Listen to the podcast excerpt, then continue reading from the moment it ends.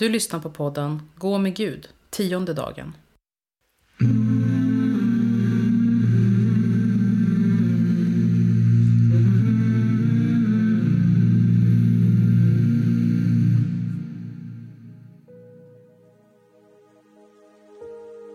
Podden är indelad i fyra teman. Vi är nu inne i det första temat. I detta tema utgår texterna som vi får höra från skapelsen och vår uppgift i den.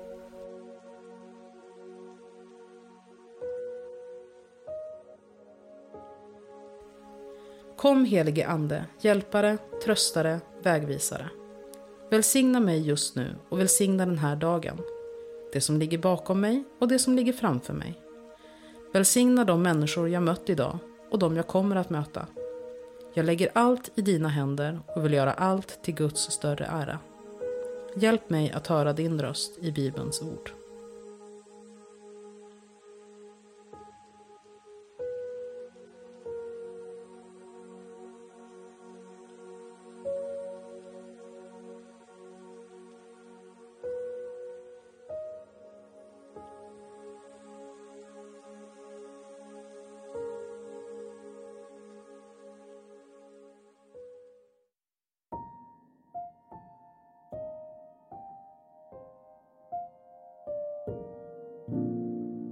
Läsning ur Första Moseboks tredje kapitel.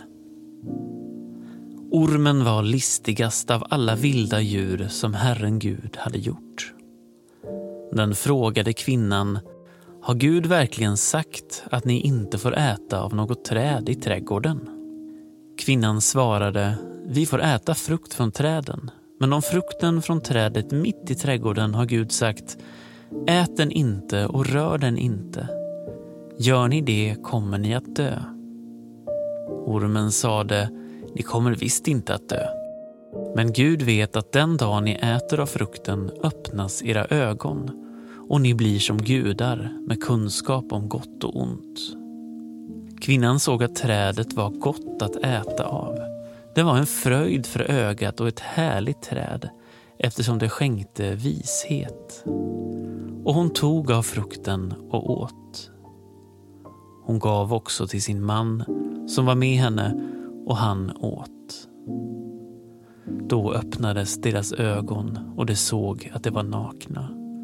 Och de fäste ihop fikonlöv och band dem kring höfterna. De hörde Herren Gud vandra i trädgården i den svala kvällsvinden.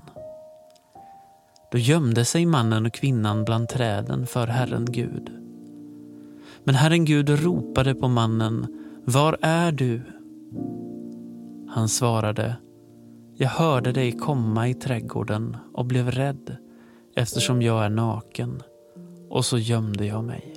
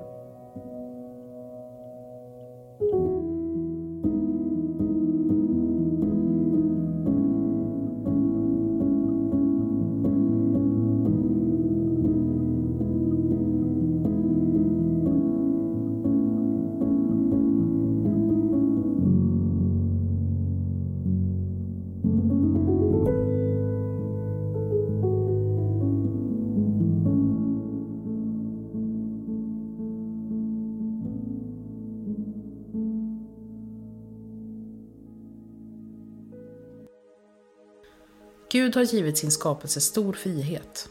Änglarna fick från början välja om de ville känna Gud eller inte. Några änglar ville inte. Redan i berättelsen om de första människorna hörs en förrädisk röst som kallar oss till olydnad. Till och med i det tillstånd som kallas för Edens trädgård finns alltså prövning. Ormen är där, en fallen ängel som vill dra andra med sig. Gud längtar efter vårt kärleksfulla gensvar på allt han gjort och människan har friheten att svara. Den friheten kräver en möjlighet att välja. Eva åt av frukten. Hon blev lurad av ormen. Adam äter också. Vad tror du att de såg när deras ögon öppnades? Varför gömde de sig när de hörde Gud komma gående? Att märka hur vi själva inom oss bär spåren av våra förfäders dåliga val kan göra oss sorgsna och uppgivna. Men även om människan vänder ryggen åt Gud verkar han ännu söka efter oss. Kan en skuldkänsla bli en väg till att våga möta en förlåtande Gud? Gud ropar också på dig. Han vet vad du har gjort. Vad svarar du? Lyssna på texten igen.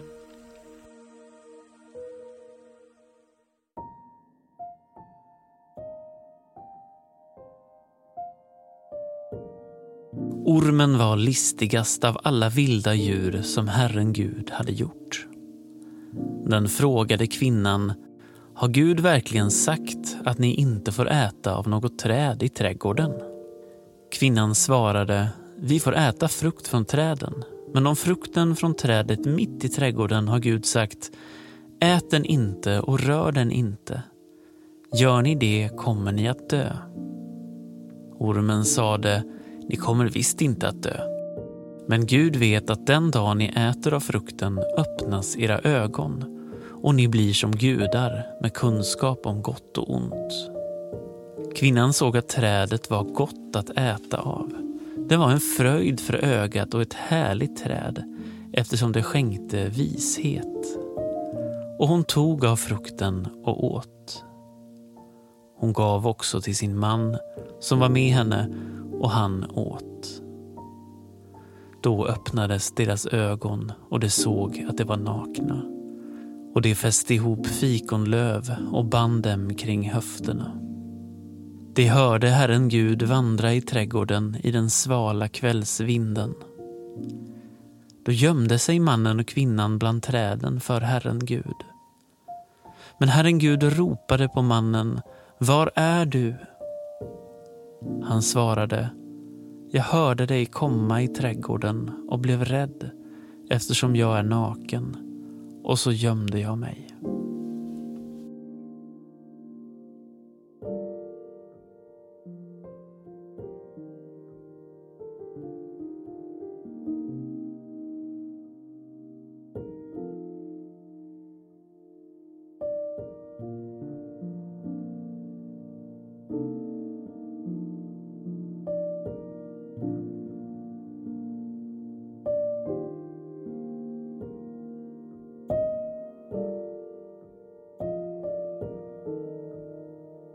Ära vare Fadern och Sonen och den helige Ande. Så som det var av begynnelsen, nu är och ska vara, från evighet till evighet. Amen.